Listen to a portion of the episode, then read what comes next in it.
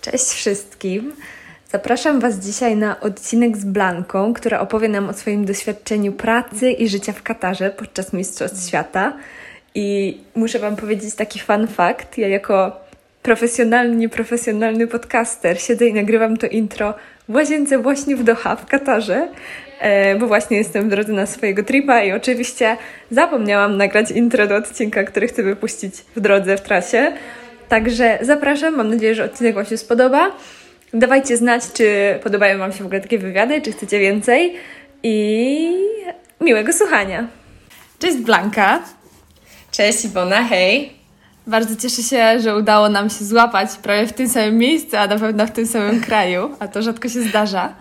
I dzisiaj chciałabym porozmawiać z Tobą o Twoim najświeższym doświadczeniu, czyli o pracy na Mistrzostwach Świata w Katarze i o mieszkaniu w tym kraju.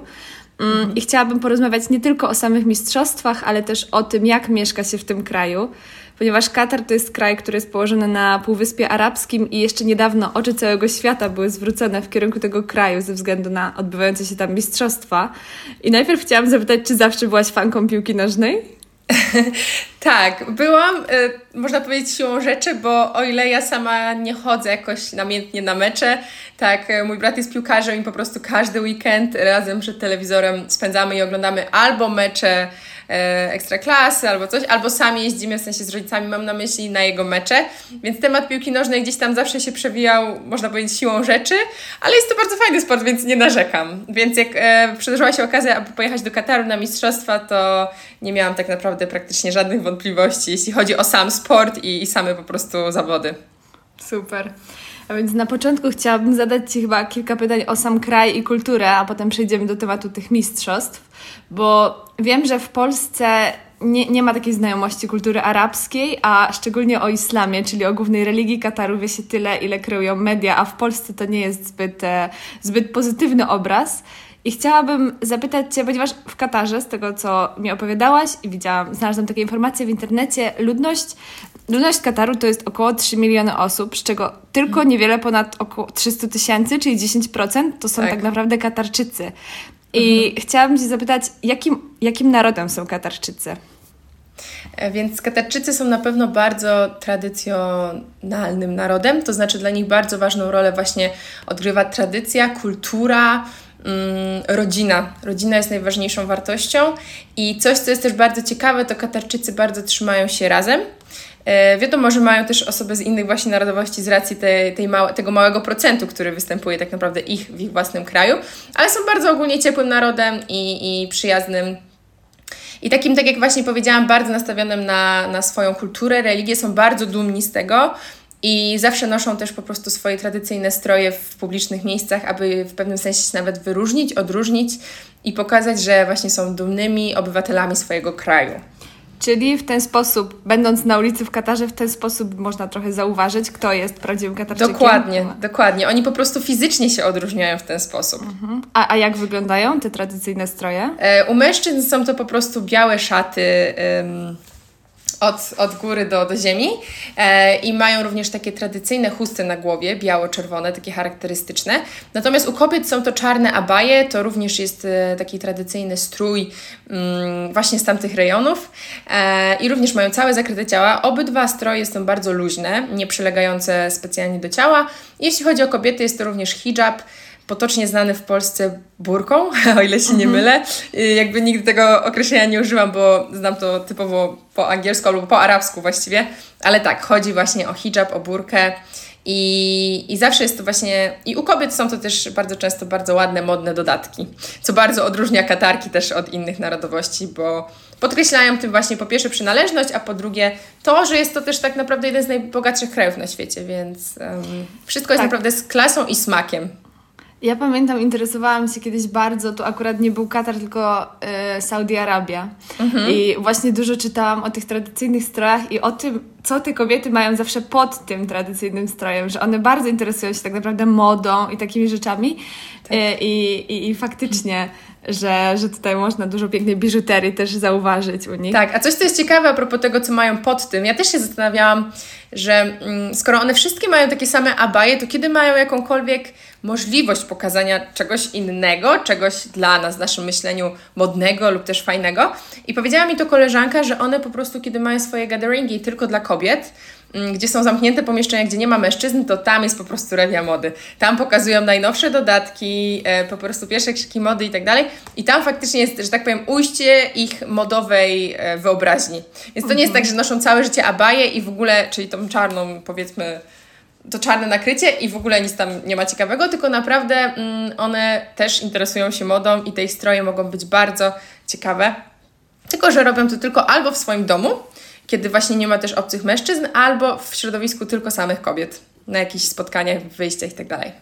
A miałaś okazję rozmawiać z jakąś, e, jakąś katarką, e, jak, e, jak one odnoszą się do noszenia właśnie tych tradycyjnych strojów? Bo wiem, że tutaj zdania są podzielone, znaczy ja też, tak jak mówiłam, bardzo dużo się interesowałam i wiele kobiet mówi, że taka jest kultura i uważa to nawet za plus, że, że noszą mhm. takie stroje, że, że nie, nie, nie przyciągają tych wzroku mężczyzn i mhm. nie, nie, nie, kuszą ich tak jakby, ale też y, zda są zdania w drugą stronę, że, że na przykład może chciałyby więcej wolności. Czy miałaś mhm. okazję rozmawiać z jakimiś y, katarkami o, o tym tradycyjnym Miałam okazję rozmawiać z jedną katarką, nie tak dokładnie na ten temat, ale w pewnym sensie pośrednio, ponieważ e, raz na przerwie w mojej pracy poszłam sobie do Ciapati in Karak, czyli takiej małej restauracji, takiej bardzo charakterystycznej, właściwie baru, no nie wiem jak to nazwać. I tam sobie właśnie z nią rozmawiałam, ona była z dziećmi i rozmawiałyśmy troszeczkę tylko o strojach, w tym kontekście, że ona po prostu powiedziała, że everyone is e, welcome in Qatar jeśli e, przestrzega zasad kultury lokalnej, to znaczy, tutaj zwróciła uwagę na osoby, które gdzieś tam są po, troszeczkę w cudzysłowie, porozbierane, chociaż w, naszych, e, w naszym europejskim rozumieniu, no to po prostu były zwykłe wakacyjne stroje, czy jakieś tam krótkie spodenki, odkryte ramiona i tak dalej. Natomiast ją to bardzo raziło właśnie ze, ze względu na nieuszanowanie lokalnej kultury. Natomiast jeszcze dodam do tego pytania, mm, które zadałaś, że są zdania podzielone, że jedni uważają, że to jest spoko, a inni, że przez to mają ograniczoną wolność. Tak jak właśnie też. Mm, wspomniałaś, jest spora część, która jest za tym jak najbardziej. I z własnego doświadczenia, po trzy, trzech miesiącach w Katarze, ja nie nosiłam abai, tutaj od razu mówię, żadnego hijabu mm -hmm. i mhm. tak dalej. Natomiast długie, luźne, zwiewne ubrania są naprawdę zbawienne w bardzo gorących klimatach. Z racji tego, że tak naprawdę nasze ciało jest przewietrzone, jest zakryte, słońce tak naprawdę nie razi, tylko mam wrażenie, że tylko my gdzieś tam w Europie albo w krajach, gdzie tego słońca mamy stosunkowo mało e, w roku, chcemy, chcemy jak najbardziej odkrywać, tak, i eksponować nasze ciała w lato. Natomiast e, z własnego doświadczenia wiem, że im bardziej zakryte, tym lepiej, właśnie ze względu na temperaturę. Więc nawet jeżeli to już nie są względy religijne i jakieś tam kultury etyczne i tak dalej, to po prostu ja sama zaczęłam nosić bardzo luźne, zwiewne, długie ubrania, bo było mi zwyczajnie wygodniej. Mhm, okay. I jeszcze tutaj dodam może odnośnie hijabu, bo tutaj poruszyłaś, że mm, może to jest jakieś ograniczanie wolności. Nikt tak naprawdę y, z islamskiej perspektywy nie jest zmuszony do noszenia hijabu. To jest y, właśnie też mit, który tutaj akurat przy okazji może zdementuję. To nie jest napisane w Koranie, że masz nosić hijab, tylko po prostu jeżeli followujesz y, te, te zasady, to możesz i z racji tego, że te kraje, właśnie no, ten kraj dokładnie, jest wciąż bardzo religijny, to, e, to, to nosi się ten hijab. I tak naprawdę bardzo wiele muzułmanek nosi hijab, jeżeli przestrzega, jeżeli chce w cudzysłowie bardziej, nie wiem, podobać się Bogu czy coś takiego, ale to nie jest tak, że ktoś ją do tego zmusza. Tak. Bo nigdzie w Koranie z islamskiej perspektywy teraz mówię, nie, jest, e, nie ma żadnego zmuszania. Więc nawet to, co się dzieje gdzieś tam aktualnie w mediach, to, to jest w ogóle jakieś nadużycie i to jest bardziej kwestia kultury i tradycji niż religii. Więc myślę, że to bardzo jest ważne, aby rozdzielić to w każdym aspekcie w ogóle takich mocno religijnych krajów. Tak, uważam, że, że bardzo dobrze, że to właśnie poruszasz, bo u nas w Polsce jest taki mit, że te kobiety są takie tam uwięzione i, mhm. i one nie chcą tego robić, a muszą to robić, więc bardzo, bardzo dobrze, że to poruszyłaś. A jeszcze chciałam, y, tutaj wspomniałaś nazwę karak. Czym jest mhm. karak? Więc karak to jest, możemy to przełożyć do nas, y, u nas na czaj, czyli po prostu herbata z mlekiem y, skondensowanym. Natomiast coś, co robi niesamowitą robotę, to są przyprawy korzenne. Jest to kardamon oraz oraz albo lub szafran. E, I jest to po prostu taki słodki napój. Natomiast mm, jest to taki smak nie do powtórzenia, tak naprawdę, bo to nie jest zwykła herbata z mlekiem, tylko naprawdę przez te przyprawy korzenne e, wydobywa się taki niesamowity smak. I w ogóle właśnie to jest też czym pachnie mi Katar i z czym ja kojarzę Katar. To jest właśnie ta mnogość przypraw takich bardzo intensywnych, często słodkich i takich, których tak naprawdę nigdy, nigdzie wcześniej nie, nie poczułam. Tego, to jest aż ciężko opisać słowami, bo są to po prostu głębokie przyprawy, ale nie duszące. No i ten karak również ma taki głęboki, intensywny smak i bardzo charakterystyczny. Mm, jak opisywałaś teraz, to marzę o tym, żeby spróbować tej tak. herbaty. Dodam tylko jeszcze, żebym tutaj, e, żeby była dla jasności, to nie jest typowo arabski ani katarski przysmak, to jest tak naprawdę z Indii. Oni to, że tak powiem w cudzysłowie, podkradli, ale mhm. jest to sprzedawane właśnie w Katarze e, jako taki, może nie tradycyjny, ale taki naprawdę charakterystyczny trunk. Trochę zamiast kawy pijają karak? Tak, bo w kawę tak naprawdę piją takie, tam takie coś, co nazywa się kałą, kała. I to jest takie żółta ciecz, która szczerze mówiąc na początku wyglądała dla mnie jak pomyje. w sensie jest tak, po prostu nie wygląda to jakoś super, ale to jest dlatego, że te ziarna są jasne. I jest to takie lekko kwaskowe i zawsze podawane w bardzo malutkich, um, nawet nie filiżaneczkach, tylko takich pojemniczkach. I to jest takie coś, co polewa właśnie gospodarz na przyjście gości i to jest jako oznaka po prostu takiej um, gościnności. Natomiast nie ma to nic wspólnego z naszą tradycyjnie rozumianą kawą włoską czy jakąkolwiek inną. Okej, okay, czyli miłośnicy kawy mieliby problem się tam odnaleźć. Musieliby po prostu spróbować nowych rzeczy. Okej. Okay. Do tematu tak. Kataru i Katarczyków jeszcze na pewno wrócimy, ale teraz chciałabym przejść do, tego, do takiego clue całej rozmowy, czyli właśnie do tych mistrzostw. I chciałabym Cię zapytać, jak wyglądała Twoja praca przy, przy mistrzostwach? Co, co tam robiłaś? Tak naprawdę przez trzy miesiące, pierwszy miesiąc miałam, e, można powiedzieć, szkoleń, ale te szkolenia były naprawdę niesamowite, bo polegały na tym, że e, to były szkolenia w ogóle na guide'a, czyli przewodnika turystycznego. Polegały one, one na tym, że musiałam zdobyć jak największą wiedzę o kulturze, o historii, o wszystkim. Natomiast w bardzo praktyczny sposób, bo po prostu zwiedziłam cały Katar i to było w ramach mojego treningu, więc po prostu taka praca żyć nie umierać, nie mogę narzekać absolutnie. Oczywiście na koniec miałam test e, praktyczny, tak naprawdę prowadziłam tura, aby nadano mi tą licencję przewodnika. E, I to było, co robiłam w pierwszym miesiącu, więc to tak e, long story short. Natomiast moja stricte praca później mm, okazało się, że nie do końca byłam właśnie przewodnikiem turystycznym, natomiast ja te tury sprzedawałam. Pracowałam dla Qatar Airways, czyli Mm, pracowałam dla departamentu Holidays z tej, z tej, z tej, z tej firmy. Mhm. e, natomiast nie miało to związku zbytnio e, faktycznie z lataniem.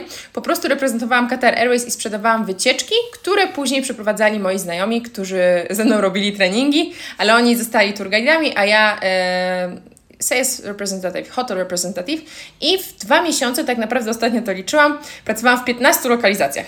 Polegało to na tym, że pracowałam w różnych hotelach, pracowałam e, sprzedając te tury, ale również w trakcie meczu e, pracowałam z gośćmi, z jakimiś VIPs, którzy po prostu po meczu przychodzili do mnie z racji tego, że ja reprezentowałam Qatar Airways i prowadziłam ich do naszego transportu. E, lub też po prostu gdzie jeszcze byłam? Tak, byłam w 15 lokalizacjach, tak jak wspomniałam, w różnych hotelach, e, również w porcie w Katarze, również w Katarze, e, w, Kata, w Katara. Katara to jest takie najbardziej reprezentatywne miejsce, gdzie tak naprawdę ludzie sobie spacerują. E, to jest właśnie też w porcie. tak, więc tak naprawdę we wszystkim, na lotnisku również pracowałam, ale tak jak mówię, wciąż nie tak jak cabin, nie as, jako cabin crew, stewardessa, tylko po prostu reprezentując Qatar Airways, e, szczególnie właśnie podczas mundialu. Okej, okay. a wspomniałaś, że, że miałaś gdzieś tam e, możliwość pracy z VIP-ami, miałaś możliwość e, spotkania piłkarzy, czy to raczej było trudne? Niestety nie, ponieważ piłkarze są tak chronieni i tak niedostępni dla ludzi byli, z racji właśnie tego, że mnóstwo tam było fanów z całego świata, że niestety nie byłam w stanie widzieć kogoś blisko. Mhm. Byłam na meczach i tak dalej, natomiast e, nie było to w ramach mojej pracy niestety.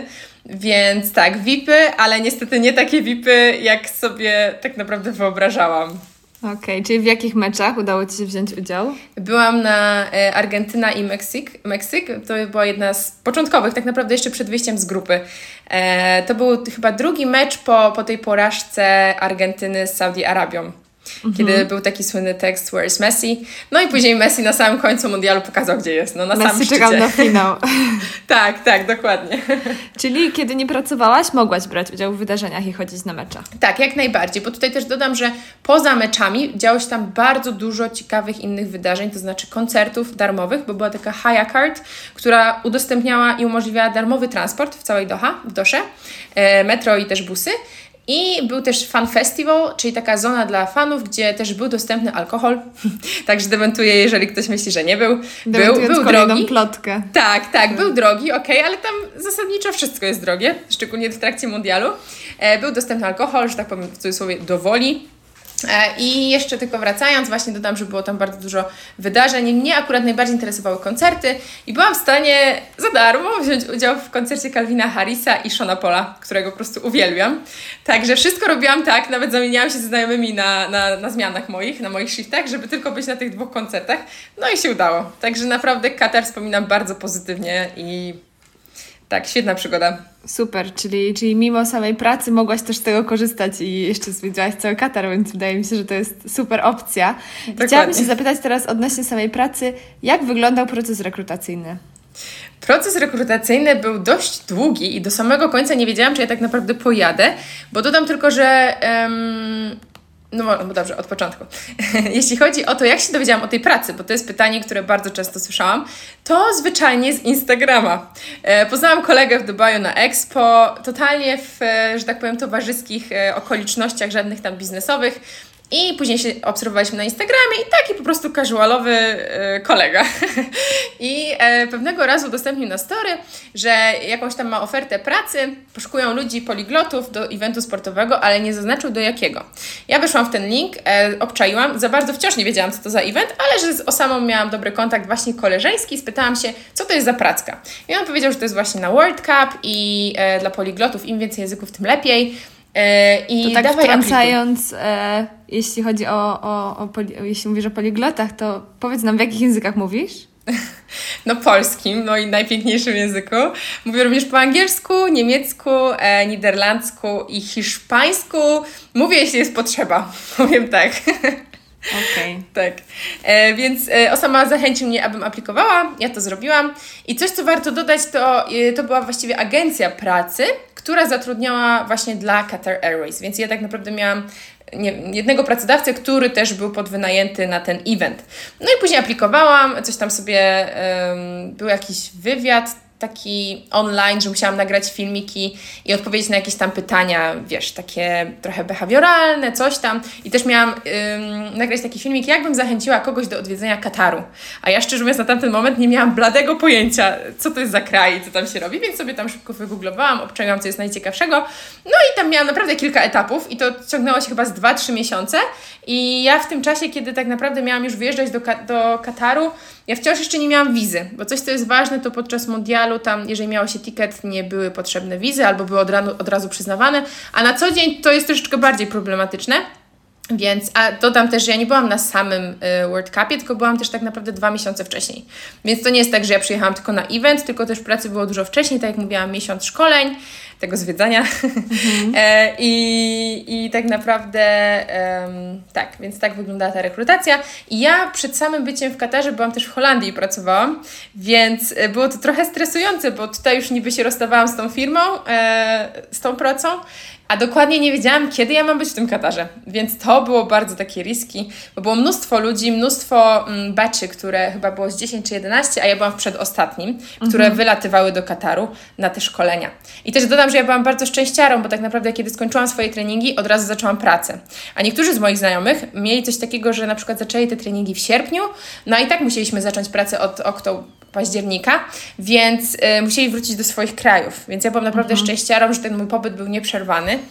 I też powiedziałam, że proszę mi najpierw wysłać wszystkie dokumenty, bo ja się nigdzie nie ruszę. Także też nie poleciałam tak całkiem na ślepo, tylko miałam już w umowie, w kontrakcie, że będę pracować właśnie jako Hotel Representative Coordinator dla Qatar Airways. Okej, okay, rozumiem. Czyli w zasadzie wyszło na, na lepiej, że, że później pojechałaś do Kataru, nie, tak, nie dostałaś tak. się tam od początku. Dokładnie. Dobrze. A jeszcze wracając do samych mistrzostw, chciałabym się zapytać, czy jest jakaś plotka albo opinia powszechna o mistrzostwach, jaką chciałabyś zdementować? Bo ja tutaj szczerze mówiąc nie jestem w ogóle fanką piłki nożnej i mhm. bardzo mało się interesowałam, a słyszałam tyle tyle zła o tych mistrzostwach i mhm. tyle negatywnych opinii, że chciałabym zapytać, czy będąc tam, e, jest coś, co, co chciałabyś zdementować, co mówi się po, po, powszechnie tutaj u nas, że tak na pewno było, chociaż nigdy tam nikt nie był, tak. czy, czy, czy nic takiego nie wpada Ci do głowy? No wpada mi na przykład też do głowy to, że słyszałam, że rzekomo kiedy ktoś nie jest w związku małżeńskim, to nie może spać razem i uprawiać seksu i tak dalej, co było w ogóle jakimś totalnym bullshitem, bo oczywiście podczas mundialu nikt nie sprawdza, kto gdzie z kim mieszka i śpi. To była pierwsza z takich rzeczy. Kolejną właśnie było to, że noclegi były kolosalnie drogie, że były po 1000 dolarów za noc, a ja się nawet nie spotkałam z takimi noclegami i rozmawiałam też ze znajomymi, których poznałam właśnie, którzy przyjechali tylko na mundial, na przykład z Argentyny. I te noclegi były w cenach niemalże europejskich, czyli jakieś tam 50 euro za noc, czy tam dolarów, no nieistotne. E, więc um, jeśli chodzi o ceny, o ten alkohol, który też wspomniałam, że było to totalnie dostępne, oczywiście w określonych strefach, ale to nie było tak, że to nie można było tego robić. E, ponadto. Mm, ja słyszałam właśnie opinię, że w barakach kupuje się noclegi za miliony, nie, za tysiące to dolarów. Jakiś, jakiś bullshit. To jest naprawdę jakiś bullshit. Okej, okay, było ciężko z noclegami, żeby je znaleźć na ostatnią chwilę, no bo wiadomo, kraj mały, a fanów mnóstwo, ale nie były to takie ceny y, w takich warunkach. Mhm. Jeżeli były jakieś naprawdę wysokie ceny, to też w super hotelach, bo naprawdę Doha jest bardzo no powiedziałabym, ekskluzywnym miastem, luksusowym niemalże, więc te ceny mogłyby takie być i pewnie, zapewne były w najdroższych hotelach, ale nie właśnie w tych y, fanowskich strefach, bo one były robione po to, żeby każdy naprawdę mógł tam mieszkać i, i podczas tych mistrzostw się znaleźć. Okej, okay, super. A jeszcze wspominałaś wcześniej, że, że po, jadąc teraz nie, ktoś na mistrzostwa, jeśli miał bilet, nie potrzebował wyrabiać wizy wcześniej i nie było to trudne. A mimo wszystko, poza, poza samymi mistrzostwami, ciężko jest dostać wizy do Kataru. Wiesz może z czego to wynika? Dlaczego tak powiedzmy bronią się przed, przed napływem osób? Jak to wygląda? Szczerze mówiąc, e, tutaj się tym tematem aż tak bardzo nie interesowałam, ponieważ jakby dla mnie było to załatwione. Natomiast mhm. miałam za to bardzo akurat nieciekawą e, historię na powrocie z Kataru, bo właśnie wróciłam na święta, zrobiłam rodzinę niespodziankę i nikt o tym nie wiedział. Natomiast kiedy miałam wracać, to na lotnisku pani mi powiedziała, że moja wiza skończyła się 15 novembera. I ja mówię, że to jest niemożliwe, bo mój kontrakt mhm. oficjalnie kończy się w styczniu. E, ja po prostu go wcześniej zerwałam ze względu na święta.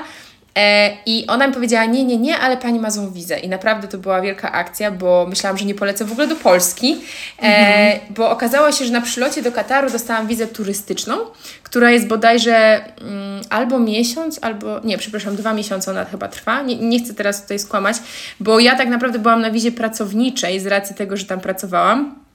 E, natomiast bili mi złą do paszportu i powiedzieli mi, że albo mam płacić 7 tysięcy riali, co jest około 10 tysięcy złotych, albo jak wylecę, to już nigdy nie wrócę i jestem na czarnej liście. I powiem szczerze, że tak nie wiedziałam, co robić, bo mi się tak zaczęło, no, zaczęłam się bardzo stresować i zaczęłam dzwonić do mojej, mojej menadżerki, aby jak najszybciej wysłała mi tę wizę pracowniczą, bo zmieniałam jeszcze telefon, nie mogłam tego znaleźć na mojej starej poczcie, więc w ogóle no stres, jeszcze Wi-Fi mi nie działało na lotnisku, a skończyło mi się doładowanie, bo już wylatowałam, więc ogólnie mega, mega stres. I w tamtej chwili pierwszy raz poczułam, że problemy wizowe faktycznie są. Więc o ile nie wiem, jak dostać tę wizę tak sobie turystycznie poza FIFA, o tyle wiem, że jeżeli mm, jest się dłużej w kraju niż to jest y, oczekiwane, to może być naprawdę poważny problem. Mhm. Bo tak jak mówię, 7 tysięcy reali to jest około 10 tysięcy złotych, troszeczkę mniej, no ale tak mniej więcej, albo czarna lista. A jednak mam tam dużo przyjaciół, dużo znajomych, więc chciałabym tam sobie kiedyś wrócić. I było to bardzo stresujące doświadczenie, więc. ale tak jak wspomniałaś, dlaczego może tam jest tak ciężko? Ja myślę, że dlatego, że tam bardzo dużo ludzi naprawdę chce pojechać. Mhm. Bardzo dużo ludzi właśnie z Indii, z Pakistanu, ze Sri Lanki, z Filipin no bardzo chcę tam być. Tak jak właśnie wspomina, wspomniałaś też o tej demo, demografii, tak naprawdę tylko 10% ludności Kataru to są Katarczycy, a reszta to są tak naprawdę pracownicy. No można to mhm. powiedzieć, że to są albo pracownicy, albo turyści. Natomiast poza mundialem też nie ma nie wiadomo jakich rzeszy turystów, poza Saudi Arabią na przykład, która jedynym krajem, który graniczy z Katarem. Więc um, tak, myślę, że po prostu chcą się chronić przed tym masowym napływem mhm. ludności z innych krajów, bo są mniejszością we własnym kraju. I też e, coś, co jest ciekawe, to tak naprawdę w Katarze e, oficjalnie nie ma bezdomności i nie ma tam bezdomnych ludzi, nie ma tam żebraków, pi osób, które mają problemy z alkoholem, e, tak oficjalnie na ulicach. A faktycznie nie ma bezdomnych? Czy widzi się ich, ale po prostu oni nie są jakoś uznawani przez kraj? Czy po prostu osoby, które mają jakieś problemy są tak zaopiekowane przez państwo, że jeśli chodzi o samych Katarczyków, to nie ma możliwości, żeby ktoś był bezdomny, bo po prostu oni z racji swojej narodowości dostają, może nie tyle, że dostają pieniądze, bo to też nie jest tak, że mają wypłaty, bo są Katarczykami, ale mają bardzo duże zaopiekowanie, to znaczy mają dodatki do, e, do mieszkania, nie płacą za prąd, nie płacą za wodę, więc nie da się być po prostu bezdomnym w Katarze, jeśli się jest Katarczykiem. A z drugiej strony, jeśli jest się e, osobą przyjeżdżającą do pracy, to też e, weryfikacja dokumentów i tego, żeby w ogóle przekroczyć kraj, jest też tak, tak mocna i surowa, że nawet szczerze nie wiem, jak mieliby się, że tak powiem, zrobić bezdomni, bo mhm. same lotniskowe kontrole są, mówię, tak nie, że trudne, ale naprawdę takie skrupulatne, że ja nie widziałam bezdomnych i no podejrzewam, że na pewno jest ten problem. Ale patrząc na to, jak ten kraj funkcjonuje, jeżeli ktoś naprawdę by mi powiedział, że nie ma tam bezdomnych, to byłabym w stanie to, w to uwierzyć. Okay. Bo nawet jeżeli jedziesz do pracy, to musisz mieć zapewnione warunki do mieszkania, do spania i tak dalej. Mm, a jeżeli jesteś kataczykiem, to mówię, to nie ma czegoś takiego, że jesteś bezdomny. Także okay. to jest coś, co przerastało w ogóle moją głowę na początku, e, bo wprawdzie w Polsce nie mamy aż tak dużego wskaźnika bezdomności, no ale generalnie w jakimkolwiek kraju byłam, to zawsze widziałam albo kogoś, kto żebrze, albo kogoś, kto jest bezdomny, a tam czegoś takiego po prostu nie ma. Rząd, jeśli jest się faktycznie obywatelem, przepraszam, Kataru, tak o ciebie dba, że nie ma możliwości, żebyś wylądowała na ulicy. O kurczę, wow. Teraz jak słuchałam tej opowieści o tych wizach, to zdałam sobie sprawę. Wydaje mi się, że dopiero jak zaczyna się gdzieś jeździć do innych krajów niż Europa, zaczynamy doceniać strefę Schengen i to, jak łatwo tak. jest podróżować w Europie. Jak Dokładnie. łatwo jest być Europejczykiem i, i wyjeżdżać gdzieś. Nawet gdzieś wydaje mi się, że do innych krajów jadąc z Europy, z poziomu Europy jest łatwiej, więc e, musimy zacząć naprawdę doceniać.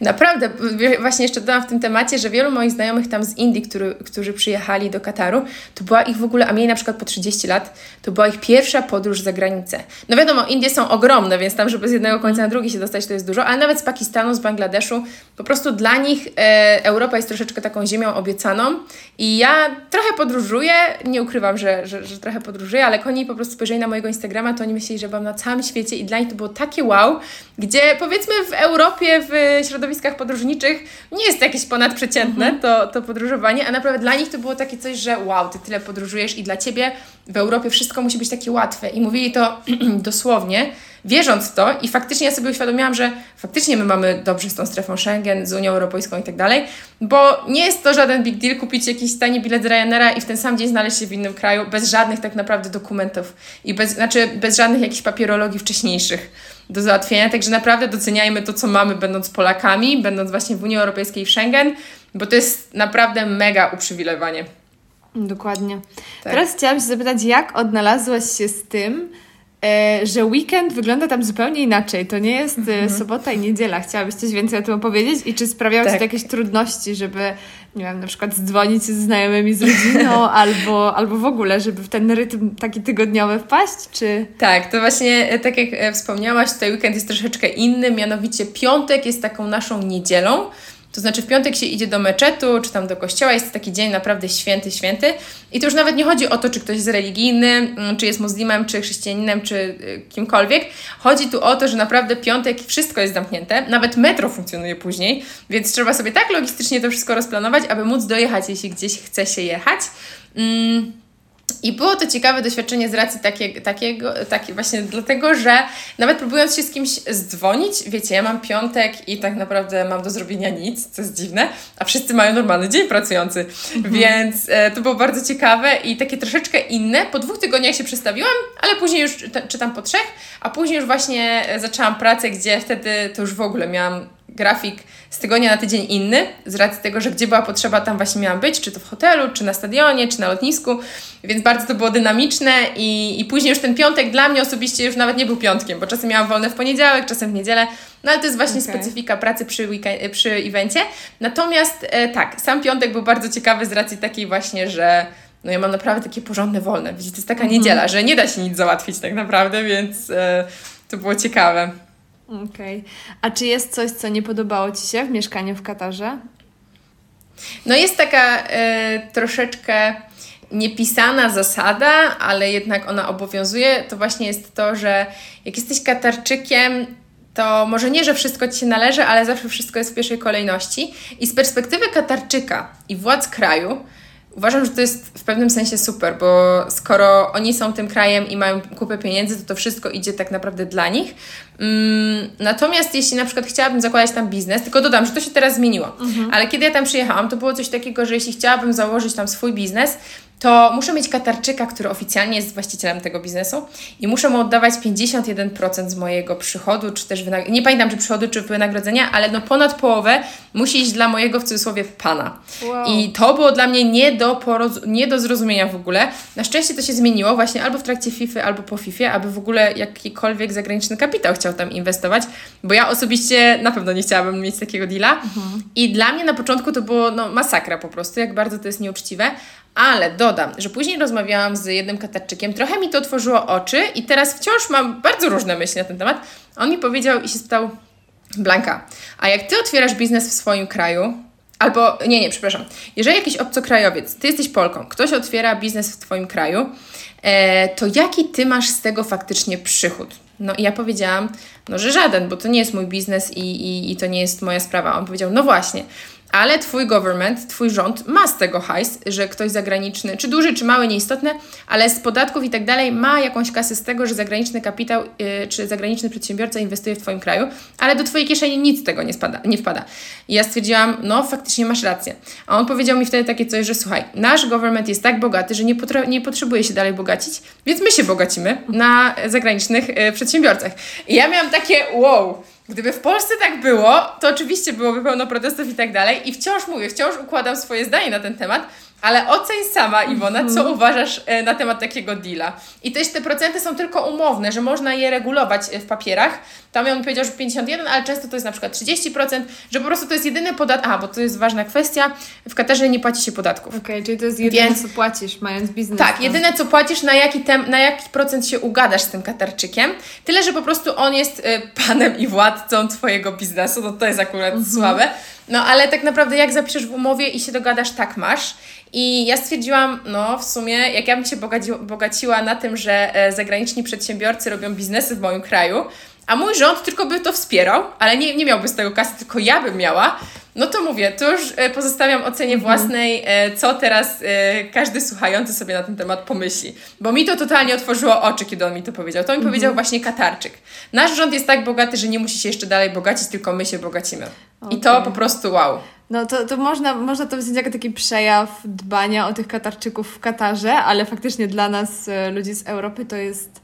To jest nie, nie do, pomyślenia. pomyślenia. Dokładnie. A tutaj ja z Tobą rozmawiam i widzę y, piękną dziewczynę o blond włosach, y, blond włosach, niebieskich oczach i chciałam się zapytać, czy w związku z tym, wiadomo, że na pewno się wyróżniałaś, może przy tym natłoku turystów y, i kibiców, którzy przyjechali na, e, na mundial, może nie aż tak, ale czy czułaś, że przyciągasz wzrok, że, że że faktycznie ta Twoja uroda jest tam bardzo inna? Tak, bardzo to czułam, bo nawet w trakcie mundialu myślałam, że to się zmieni, ale i tak się nie zmieniło. E, I przyciągałam bardzo niesamowicie wzrok, bo oni po prostu nie widzą często białych, blond, niebiesko-okich ludzi. Mm, I coś, co było dla mnie takie troszeczkę na początku trudne pod tym względem, no to naprawdę ta ponadprzeciętna atencja na początku była miła, ale później po prostu każdy, każdy dosłownie dziennie dziesiątki razy pytanie, skąd jesteś. Mhm. I to nieważne, czy miałam e, uniform, czy byłam na cywilnie ubrana, czy coś, zawsze, zawsze, zawsze ponadprzeciętna atencja, gdzie nawet mi się już czasem nie chce, naprawdę. to może zabrzmi śmiesznie, ale ja się czułam jak prawdziwe celebrity, bo ciągle ktoś sobie chciał znowu robić zdjęcia. I, I ja wiem, że to, no mówię, to brzmi teraz w tym momencie śmiesznie, ale to jest naprawdę męczące. To jest naprawdę męczące, kiedy idziesz sobie samemu i nawet Ci już nie chce rozmawiać, nie chce Ci się tego, że ciągle ktoś do Ciebie zagaduje, e, to po prostu jest męczące, nawet jak jesteś na siłowni i ktoś do Ciebie podchodzi, się pyta skąd jesteś, co robisz, w każdym jednym po prostu momencie. Natomiast e, muszę dodać, że to nie było aż tak bardzo natarczywe, to znaczy mm, nie miałam jakichś takich sytuacji, chociaż nie, no Czyli nie było miałam. to niekomfortowe ta, ta atencja. Nie, nie było to jakieś takie bardzo niekomfortowe. To były pojedyncze sytuacje, kiedy. Chociaż nie, na siłowni było to niekomfortowe, przyznam. Bo siłownia to było też jedyne miejsce, gdzie ja, że tak powiem, nosiłam się europejsko, bo stwierdziłam, ja się idę spocić i zrobić trening. Mhm. Yy, I jest klima, więc mogę zakładać krótkie spodenki i tak dalej. Więc tak, to było trochę niekomfortowe i czasem mówiłam nawet, że nie patrz się na mnie, nie gap się na mnie. Już po prostu trochę nawet hamsko, bo to już nie chodziło nawet o to, że jestem na siłowni, tylko na to, że jest faktycznie biała, blond, rozebrana w cudzysłowie dziewczyna na tamte warunki. Mhm. Więc tak, bywało to właśnie takie niekomfortowe. I, i, i, nie jest fajnie być aż tak, mieć aż tak dużą atencję. Mhm. A czy chciałabyś opowiedzieć coś więcej o sytuacji, kiedy poczułaś się może nie, bardziej niebezpiecznie w związku... Tak. Mhm. Ja dodam, to, że to jest taka sytuacja, która tak naprawdę y, mogła się wydarzyć wszędzie, bo takie podobne sytuacje mi się również wydarzały, że gdzieś tam ktoś mnie śledził albo za mną chodził, niezależnie od kraju. Natomiast tutaj właśnie chcę zwrócić uwagę na to, że pewnego wieczoru wracałam po pracy bardzo późno, bo zdarzało się, że miałam długie zmiany i jeszcze dojazd metrem do, do swojej chaty, więc około trzeciej w nocy wracałam właśnie do siebie, do, do mieszkania. Mieszkaliśmy, no właściwie na pustyni, jak cały ten kraj, ale generalnie musiałam iść głąb ulicą taką, gdzie nikogo nie było o trzeciej, no już można powiedzieć chyba nad ranem albo w nocy, nieistotne. I pewno, pewne auto zaczęło za mną jeździć, tak bardzo wolno, co już zaczynało być trochę niekomfortowe. I akurat ym, w drodze do mojego domu jest jakby taka wysepka, że z jednej strony jest droga w jedną stronę, w dru z drugą stronę jest dro droga w drugą stronę i pomiędzy jest taka wysepka, więc ja idąc z prawej strony chodnika przeszłam na tę wysepkę i chciałam w ogóle zmienić kierunek drogi, żeby to auto nie wiedziało, gdzie ja mieszkam. Ale była trzecia w nocy, więc tak naprawdę ani nie mogłam zadzwonić do przyjaciół, no bo jednak każdy już spał, ani nie do końca chciałam, żeby, mówię, to auto wiedziało, gdzie ja jestem. I trochę byłam w takim, w takiej, w takim czarnym punkcie, nie wiedziałam, co zrobić. I stwierdziłam, dobra, dzwonię na policję. E, Mm, I ogólnie od razu, kiedy zadzwoniłam, dano mi e, English speakera do słuchawki. Ja powiedziałam, gdzie jestem, jaka jest sytuacja, że czuję się niekomfortowo. Bo to było jedyne, co mogłam na tamten czas powiedzieć, bo nic się nie wydarzyło oficjalnie. Mhm. Ale powiem Wam, że w mojej głowie było takie myślenie, ej, no przestań, Blana, przecież nic się nie dzieje, to jest tylko auto. Ale później miałam, nie, nie, nie, może się coś stać, a ja nie mam totalnie nikogo w tym momencie obok siebie. Zadzwoniłam na, pol na policję. Oni od razu się spytali, jakie są blachy rejestracyjne, numery rejestracyjne tego auta. No ja powiedziałam, że nie wiem, bo to auto krąży, ale, ale mm, nie jest tak blisko. On mówi, dobrze, dobrze, to jak tylko je zobaczysz, to daj znać i my już tam jedziemy.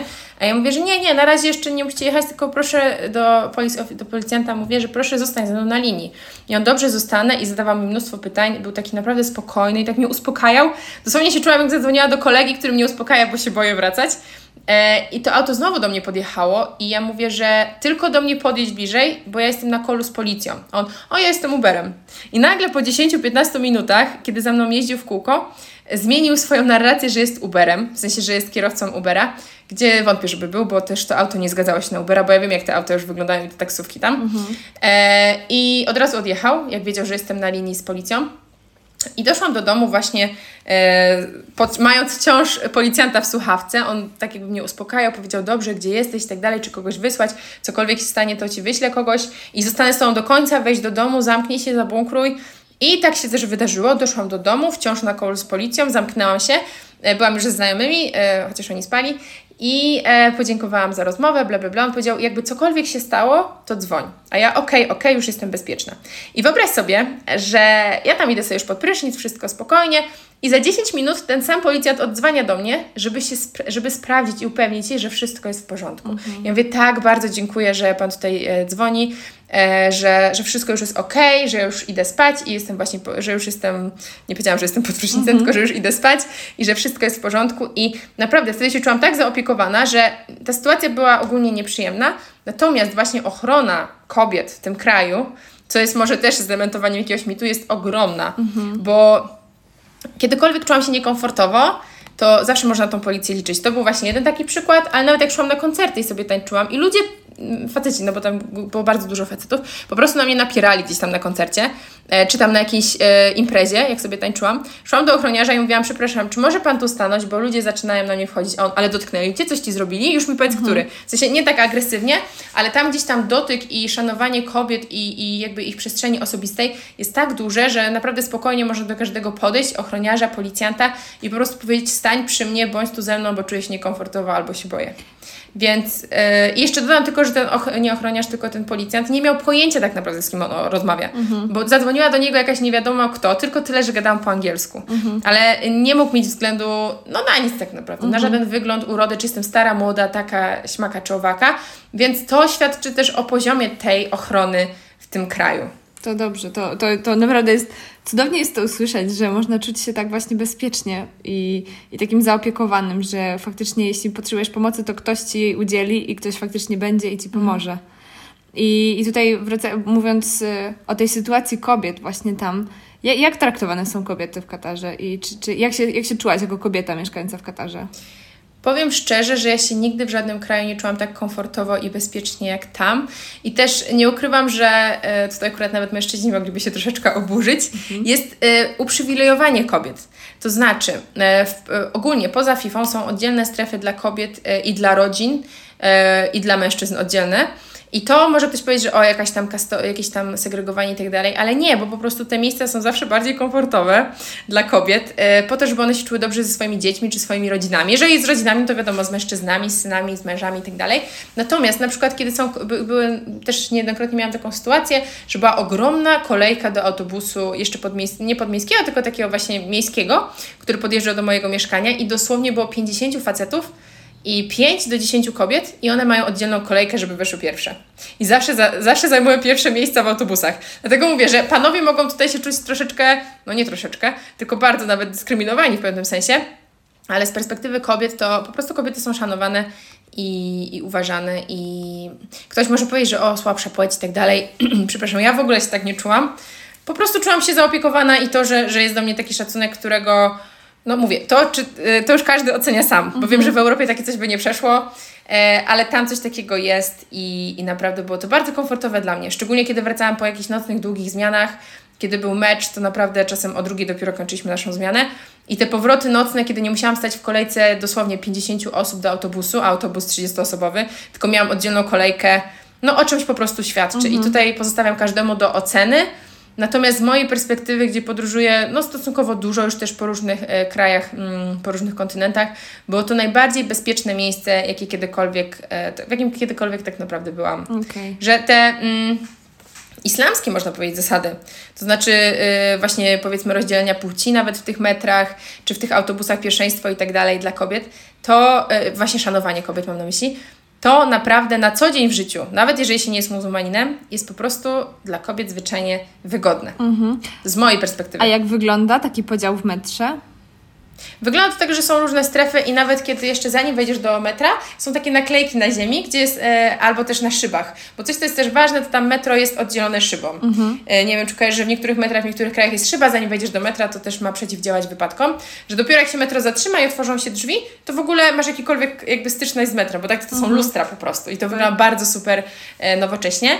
Mm, I są naklejki na ziemi i też na szybach, gdzie jest strefa dla rodzin, gdzie jest strefa dla kobiet.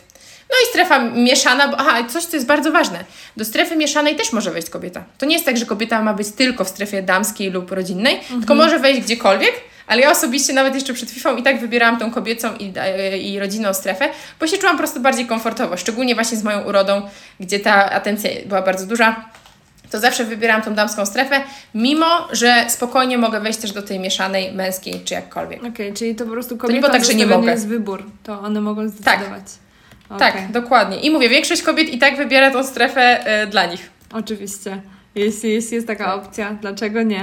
A tutaj, tak. tak jak mówisz, to metro to brzmi bardzo, bardzo nowocześnie. I teraz chciałabym się zapytać, dla kogoś, kto nie ma żadnego pojęcia o tym, jak wygląda Katar, jak wygląda, jak wygląda Doha, czyli, czyli to miasto tam największe w e, Katarze, mhm. ja, jak wygląda? Ja, jakim miastem jest Doha? Jak się tam odnalazłeś?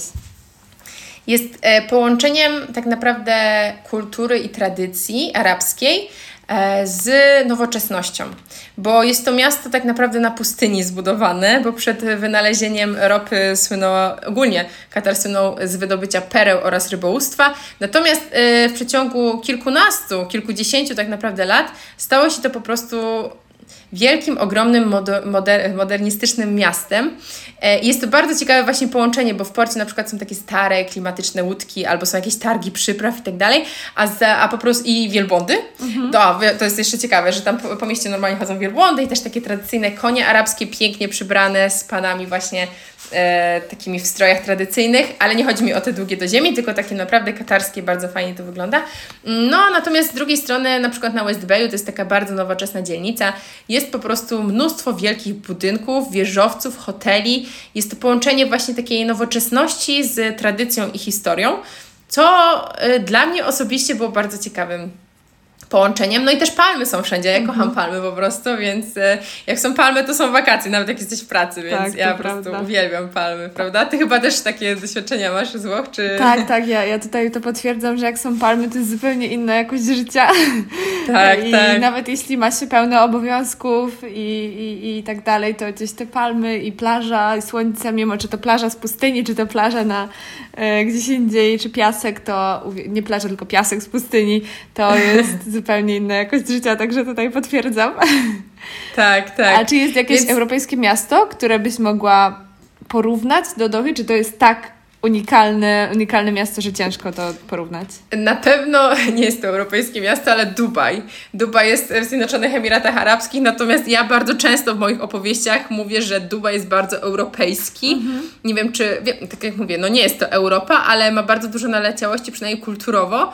E, jeśli chodzi właśnie o architekturę, o klimat, to porównałabym to bardzo do Dubaju, bo jeśli chodzi o Europę, no nie, mhm. raczej tutaj Ciężko nie mam jakiegoś porównania. Tak, bo nawet na, coś trochę mi przychodzi do głowy Frankfurt e, w Niemczech, ale jeśli tylko jeśli chodzi o wielkość budynków, ale w ogóle nie kształt ich, kolory i tak dalej.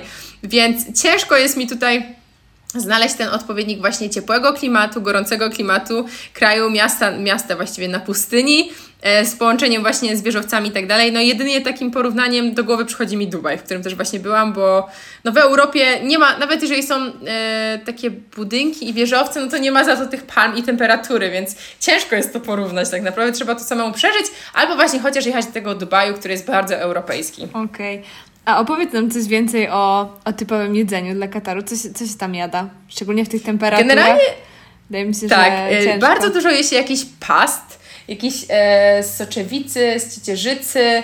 E, je się też... Mm, humus tradycyjnie, mm -hmm. pitę. E, je się również mięso, jakieś takie szaszłyki. E, tylko, że ciekawe jest to, że szaszłyki generalnie na Bliskim Wschodzie praktycznie nigdy nie zawierają, albo przynajmniej ja nie zobaczyłam, e, warzyw, tylko jest to samo mięso. Sam kurczak albo też jagnięcina. Wiadomo, wieprz jest tam haram, mm -hmm. czyli niedozwolony, więc generalnie różne... Mm, nie jeść tak super dużo warzyw, jeżeli się je warzywa, to często jakieś kiszone, kiszone jakieś marchewki w ogóle nawet, kiszone ogórki, kiszone oliwki. To jest ogólnie na Bliskim Wschodzie dość... Mm, popularne. No z racji tego, że jeżeli jest kiszone, to dłużej przetrwa, a w mhm. tych y, tropikalnych temperaturach to faktycznie y, ma jakiś, jakiś sens. No i tak jak mówię, różnego rodzaju pity, czyli właśnie takie chlebki y, i co jeszcze? Bardzo dużo właśnie past takich okay. jakichś ciecierzyc i tak dalej, więc to jest w pewnym sensie raj, raj dla wegetarian i wegan nawet też. O, super. Tak. To muszę ja wybrać. uwielbiam też shaormę w ogóle. Nie wiem, czy miałaś okazję skosztować, w sensie wiem, że nie jesz mięsa, ale czy w ogóle widziałaś albo wąchałaś shaormę, bo to jest takie... Nie, nie miałam to jest okazji. Troszkę, mhm, troszkę jak kebab, ale nie do końca, bo to mięso jest jednak inne i te dodatki też są inne. A i falafel, falafel, falafel, hummus, takie tradycyjne, bliskowschodnie rzeczy bardzo często też się je. I coś, co ja uwielbiam, to są wszelkiego rodzaju szejki, na przykład mango. Mm -hmm. Tak, mhm. kocham po prostu shake mango. Takie naprawdę wyciskane, e, znaczy nie wyciskane, tylko właśnie takie mielone, czy tam blendowane, cokolwiek. Kocham te owocowe mieszanki różnych soków i shake'ów. To brzmi jak raj dla mojego podniebienia i chyba muszę się tam wybrać jeszcze wcześniej. Powiem Ci, że tak. Myślę, że by Ci posmakowało, tak. Szczególnie jeśli lubisz też e, taką mnogość przypraw i tego, że tak naprawdę jemy nosem mm -hmm. bardzo często, to znaczy zapachami niż tylko, niż tylko pod, podniebieniem. Super, a czy można znaleźć w, w Doha takie targi z przyprawami, gdzie po prostu przyprawy są usypane, jakieś tak. stożki, jak na zdjęciach możemy to znaleźć? E, może stożki e, nie pamiętam koniecznie, ale mm, na pewno sukłakiw to jest właśnie taki, e, to znaczy po angielsku standing market, czyli taki market, gdzie się stoi. I to jest właśnie w centrum miasta, to jest jedno z takich najbardziej must have'ów i w ogóle must see, jak się tam jest. To jest właśnie taki tradycyjny targ, który jest też w takim bardzo wciąż tradycyjnym klimacie, to znaczy wszystko jest takie jasne, mam na myśli mm, architektonicznie, jest mnóstwo przypraw, jest na przykład aleja z jednej strony, gdzie są przyprawy, z drugiej strony, gdzie jest aleja jedzeniowa, z innej są na przykład jakieś tam nawet muzea, e, obrazy i tak dalej, i to wszystko jest na ulicy, a z kolejnej jest na przykład miejsce, gdzie można zrobić samemu perfumy.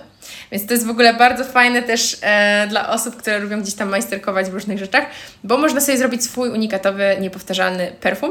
perfum tak, perfum. e, I coś, co jest jeszcze ciekawe, to te perfumy też są unisexem.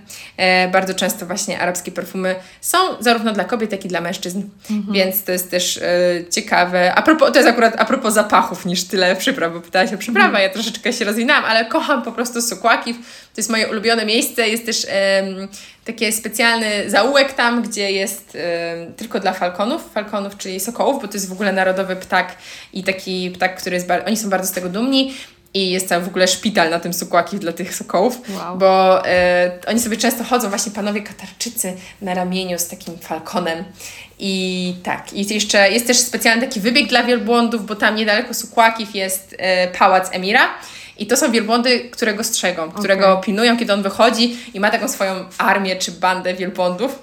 I to są takie emirskie y, kamele. No to są właściwie dromadery, bo to chodzi o ilość grzbietów, nie wielbłądy, tylko dromadery. I można sobie do nich podejść, zrobić sobie z nimi zdjęcie. I to jest takie naprawdę fajne. Wiesz, że z jednej strony masz te budynki wieżowce, a dosłownie 200 metrów dalej, e, czy tam 300 i masz e, wielbłądy w środku miasta tak naprawdę. To jest tak, jakbyśmy mieli wrocławski rynek i na jednej, w jednej jego części byłby po prostu wybieg dla -hmm. wielbłądów. Aż, aż ciężko jest to sobie wyobrazić, nie, nie widząc tak. tego, szczerze mówiąc. Tak, dlatego ja właśnie starałam się sporo postować gdzieś tam na Instagramie. E, muszę troszeczkę ponadrabiać, ale naprawdę były to bardzo...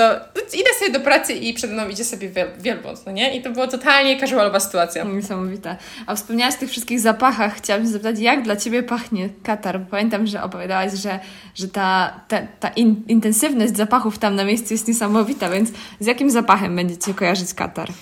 Na pewno kojarzy mi się z palonym drewnem. To jest taki bardzo intensywny zapach, który również możemy czasem znaleźć e, w jakichś perfumach, w kadzidełkach i tak. Oraz albachur. To jest, um, wygląda to trochę jak węgiel, e, jakiś taki e, węgiel połączony z drewnem. I ten zapach polega, tak się wydobywa, że właśnie na spalaniu tego albachur. To jest też mieszanka jakichś innych roślin tak naprawdę i uwielbiam ten zapach. No naprawdę ciężko jest mi go opisać, bo jest taki słodko intensywno wyrazisty, ale nie taki słodki, jak wiecie, jak wiesz, karmel, czy jakaś wanilia, czy coś, tylko taki głęboki, taki po mhm. prostu poruszający do wnętrza. E, w sumie coś tutaj mam, więc może jak się spotkamy, to, to jeszcze dam Ci e, powąchać sobie, jak, jak uda nam się jeszcze spotkać przed Bardzo chętnie, bardzo chętnie. I jeszcze taki jeden z tematów, który chciałabym poruszyć, czyli haram. Tutaj wspomniałaś mhm. wcześniej, że są rzeczy, które są haram, i jest to wieprzowina na pewno. I jakie są jeszcze mhm. inne rzeczy? Może na początku, żebyś powiedziała tutaj dla tych, którzy nie wiedzą, co znaczy haram. Haram to po prostu znaczy nieczyste, brudne dosłownie, e, ale znaczy to też takie coś, co, co, co nie podoba się Bogu, nie podoba się Allah e, i coś, co jest zakazane według właśnie Koranu Islamu. Mhm. Koranu, czyli świętej księgi e, muzułmanów i coś, co jest po prostu zakazane dla nich. Więc tak, tak można to po prostu określić. Też y, stosując to do naszej y, kultury, powiedzmy gdzieś tam europejskiej, opartej w dużej mierze na chrześcijaństwie, to są po prostu wszelkie rzeczy grzeszne. To jest po mhm. prostu grzech. Jeżeli coś jest haram, to znaczy, że jeśli to zrobisz, to popełnisz grzech. Czyli e, haram jest nie tylko rzeczy czynności w stylu na przykład właśnie alkohol, też jest bardzo haram, wieprzowina, ale haram jest też kłamanie, zabijanie, kradzenie, zdradzanie, wszelkie rzeczy takie moralnościowo. Yy, no nawet w naszej kulturze po prostu nieprzyzwoite i, i według naszych też wierzeń i tradycji niedozwolone. Mhm. Więc haram są wszystkie rzeczy, które oddzielają Cię od Boga, które są grzeszne i które są nie w porządku. Boga, czyli Allah w tym kontekście właśnie islamskim. Więc e, co jest haram? Haram jest e, właśnie na przykład bardzo podobne rzeczy jak u nas, czyli tak jak mówiłam, to kłamanie, te wszystkie rzeczy takie nie miękkie, tylko mm -hmm. nie fizyczne powiedzmy, ale właśnie też e, seks przed, e, przed, e, przed ślubem, alkohol w nadmiernych, il... nie w ogóle, w ogóle alkohol, mm -hmm. nie w nadmiernych ilościach, tylko w ogóle. E, I haram jest właśnie, tak jak mówię, zabijanie, jest okradanie. A czy są jakieś mm. rzeczy, które u nas są powiedzmy na porządku dziennym, a tam są haram? Tak, na przykład taką rzeczą jest y, pożyczanie pieniędzy i oddawanie z nadwyżką, to znaczy z odsetkiem z procentem, bo jest jakiś tam y, werset w Koranie, ja już go nie pamiętam, ale kolega mi właśnie powiedział, który mówi, że tyle ile pożyczasz, tyle masz y, wziąć z powrotem, a nie, że dajesz odsetki, więc to było dla mnie takie wow, to mhm. serio tak to jest? To jak w ogóle jakieś kredyty i tak dalej, to było w ogóle mega ciekawe dla mnie, więc tam nie ma czegoś takiego, że pożyczasz komuś i oddajesz z odsetkiem, z jakąś nadwyżką, procentem. Mhm. E, oprócz tego haram, no haram jest ogólnie taniec, taniec. Nie mówię, że każdy, bo jest, są też tradycyjne tańce gdzieś tam pochodzące z tamtych krajów i jest wszystko spoko, ale wiem, że tańce takie, które ja tańczę są haram, mhm. czyli dancehall lub też reggaeton, e, więc tego mi na pewno brakowało bardzo tam, bo nawet jak próbowałam znaleźć jakąś szkołę taneczną, to po prostu ich nie ma. To nie jest tak, że to jest zakazane, że nie można tego tańczyć, bo jeżeli oni wiedzą, że ja nie jestem muzułmanką, to jest jakby moja sprawa, ale ja nie mogę tego robić jakoś tak super mhm. publicznie, mhm. czy, czy po prostu e, rażąc i e, lokalne osoby i nie respektując lokalnej local culture, culture, tak właśnie jakby tak okay. zawsze to było gdzieś tam powtarzane, więc tego mi na pewno brakowało i to było pierwszą z rzeczy, jedną z pierwszych rzeczy, którą zrobiłam, jak wróciłam do Polski. Poszłam po prostu na dancehall. Czyli brakowało Ci tam tego tańca, czyli to jest coś takiego, bardzo. Co, co, co bardzo Ci brakowało, rozumiem. Bardzo mi brakowało. Właśnie jesteś osobą, którą kojarzysz najbardziej z e, tańczenia zawsze i, i właśnie tak sobie wyobrażam, że to musiało być trudne, żeby nie móc, nie móc tańczyć. Tak. Tak, ale mówię, no ja rozumiem, że każdy kraj, y, co kraj to obyczaj, jak to się mówi i pewne rzeczy gdzieś tam są dozwolone, pewnie, pewne nie. I myślę też, że nie byłoby problemu z otworzeniem jakiejś takiej e, szkoły czy miejsca, tylko po prostu nikt na to nie wpadł. Mhm. Albo nie, nie było jeszcze takiej potrzeby, żeby to zrobić. Szczególnie, że też dodam, że ten dancehall bardzo często tańczymy tylko w damskich e, ekipach, więc tym bardziej myślę, że nie byłby problem, jeżeli takie zajęcia by się otworzyły tylko dla kobiet, więc...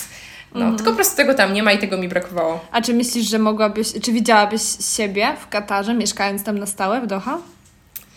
Myślę, że mogłoby to być możliwe, natomiast faktem jest, że temperatury w wakacje są nie do przejścia. Mhm. Naprawdę tam jest ponad 50 stopni i wszędzie, dosłownie wszędzie jest klima. I tak jak u nas klimatyzacja w domu to jest y, oznaka jakiegoś powiedzmy luksusu, czy tego, że no nie jest to takie na porządku dziennym, to nie jest tak, że wszędzie jest klimatyzacja zawsze i wszędzie w mieszkaniach, natomiast tam jest, bo po prostu nie da się żyć. Może, mogą być bardzo słabe warunki, ale klima jest zawsze i właśnie zmierzam do tego, że ja nie wiem, czy byłabym w stanie w takich temperaturach funkcjonować, bo o ile do tych wrześniowych temperatur, kiedy tam przyjechałam, już zdążyłam się przyzwyczaić, chociaż tak podchodziło czasem pod 40 stopni, jakieś 37, e, ale myślę, że te temperatury byłyby ciężkie, plus odległość. Mhm. No bo jednak, żeby tam pojechać um, albo Qatar Airways, które są super linią lotniczą, najlepszą na świecie, mhm. natomiast drogą, ale albo właśnie na przesiadkę, albo w Abu Dhabi, albo w Dubaju, więc po prostu odległość jest dość daleka. Mhm, rozumiem. Ale jeśli chodzi kulturowo, jeżeli byłoby tam jakaś możliwość właśnie tańczenia mhm. i byłoby bliżej do domu, to tak, okay. chcę się do rodzinnego domu. Rozumiem. Ja tutaj właśnie wczoraj czytałam trochę o Katarze i jedna dziewczyna, która się tam przeprowadziła, opisała to, że temperatury latem, kiedy tam wylądowała i nie była na to przygotowana, kiedy mhm. wysiadła z samolotu, czuła fizyczny ból, kiedy oddychała, że czuła, że po prostu tak. parzy, to powietrze ją parzy w płuca i dla mnie było tak, tak ciężkie do wyobrażenia sobie, ale, ale na pewno to nie jest łatwe, łatwe środowisko, żeby tam właśnie mieszkać w wakacje. To są po prostu ekstremalne warunki. Ja nawet w umowie miałam zap taki zapis, że czy jesteś gotowa na ekstremalne warunki pogodowe, także... Mm, tak, to, to faktycznie. I jeszcze na koniec chciałam zadać takie, takie personalne pytanie, bo mhm. tutaj wszyscy w Europie bardzo często mówi się, że, że Katar podjął się zorganizowania tych mistrzostw, żeby zmienić trochę obraz tego kraju. Tutaj jeśli chodzi, mhm. no może nie tylko w Europie, ale na całym świecie, żeby zmienić obraz tego kraju, żeby zachęcić ludzi, żeby przyjeżdżali bardziej może turystycznie do Kataru. I, mhm. i chciałabym zapytać, czy, czy ty personalnie uważasz, że, że Katar osiągnął ten cel po mistrzostwach i ocieplił ten wizerunek? Czy jednak te afery związane z Mundialem, których było dużo, Przyćmiły mhm. jego blaski i jednak pozostał taki niesmak. E, osobiście uważam, patrząc też na, nie tylko ze swojej perspektywy, ale kibiców, którzy tam przyjechali, że naprawdę większość, właściwie każdy, z którym rozmawiałam, był bardzo zadowolony i bardzo zaskoczony, jak ten kraj dobrze funkcjonuje podczas mundialu, jak dobra jest organizacja. I to mówiły mi też osoby, które były na przykład w Rosji na poprzednim mundialu, że naprawdę organizacyjnie bardzo fajnie i kulturowo i tak dalej, bo dla bardzo wielu osób to był w ogóle jeden z pierwszych arabskich, albo w ogóle pierwszy arabski kraj, który odwiedzili. Mhm. Więc myślę, że e, ten klimat zdecydowanie się ocieplił, ten wizerunek, przepraszam. Natomiast e, to mówię teraz w perspektywie osób, które były w Katarze. E, więc jaka jest, jaki jest teraz przekaz medialny dla osób, które tam nie były? Nie wiem tak mhm. naprawdę, bo ja mam też swoją perspektywę. Natomiast dla tych osób, które były, były bardzo zadowolone i z organizacji, gdzieś tam właśnie z bezpieczeństwa i z tego, że nie było tak naprawdę żadnych dram, awantur, żadnych bujek, niczego takiego. I to było dla mnie naprawdę wow, bo jednak wiem, że kultura meczowa czasem bywa mhm. różna, tak, szczególnie po alkoholu i tak dalej, a też y, ten alkohol był no tak jak mówię, w tych pewnych strefach dostępny i nie było jakichś takich dramatów. Plus e, ta organizacja tego kraju i te ceny, które, e, czy tego noclegu i tak dalej, no myślę, że ten wizerunek na pewno się polepszył po tym.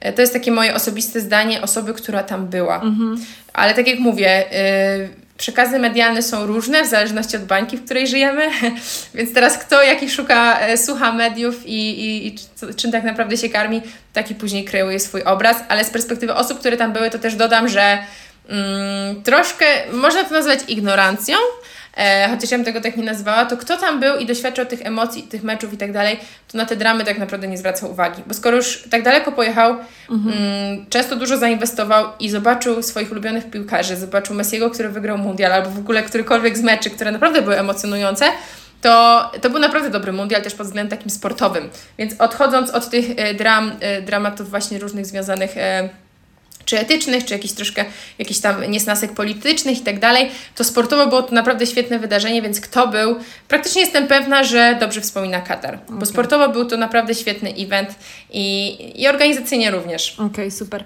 Ja właśnie tak myślę teraz z perspektywy swojej, czyli osoby, która nie była w Katarze i za bardzo nie interesowała się tym, tymi mistrzostwami e, wcześniej, mm -hmm. zanim one się zaczęły, później oczywiście y, jak mm -hmm. prawdziwy kibic sezonowy oglądałam niektóre mecze, ale... Y, ale właśnie tak wydaje mi się, że, że ten sport na szczęście wygrał chyba w tym wszystkim i faktycznie mhm. te wszystkie niesmaki polityczne czy tam afery gdzieś tam troszkę zaginęły.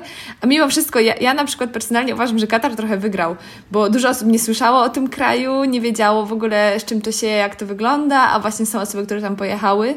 I, i też y, takie jest takie, że wiele osób może nawet nie pojechałoby do kraju arabskiego, bo, mhm. bo tutaj słuchałoby różnych bo opinii? Mhm. A, a pojechali i zobaczyli, że, że faktycznie ludzie tam mieszkają, ludzie są szczęśliwi i że to nie jest tak, jak to u nas się przedstawia, więc ja uważam, że, tak. że ostatecznie jest e, taki pozytywny wynik tego. To się cieszę bardzo, bo ja też mam, mówię, takie właśnie e, odczucia i, I myślę, że. Ale generalnie już nie chodzi o sam Katar, tylko o to, że właśnie kiedy gdzieś pojedziemy, zobaczymy i doświadczymy, często zmienia się nasza percepcja. Bo tak jak mówię, to co mamy y, przekazy medialne, często różni się od tego, co jest naprawdę.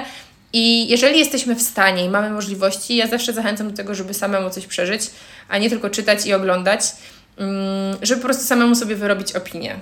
Bo jeżeli ktoś gdzieś był i coś doświadczył, to wtedy moim zdaniem tak naprawdę może sam odczuć, co uważa o danym kraju, o danym miejscu, organizacji, ludziach, cokolwiek. Dokładnie. Dokładnie, ja uważam to samo i wydaje mi się, że tym pięknym i mądrym zdaniem możemy zakończyć dzisiejszą rozmowę i bardzo Ci dziękuję, że znalazłaś czas i opowiedziałaś nam o tym doświadczeniu i patrząc na to, ile masz planów i, i jakie, jakich mi opowiadałaś, to pewnie jeszcze nie raz będziemy się zdwaniać na podobne rozmowy. Także dziękuję Ci bardzo za poświęcony dzisiaj czas. Mam nadzieję, że właśnie jeszcze to nastąpi i bardzo, bardzo Ci Iwonka dziękuję za zaproszenie. Cześć! Cześć!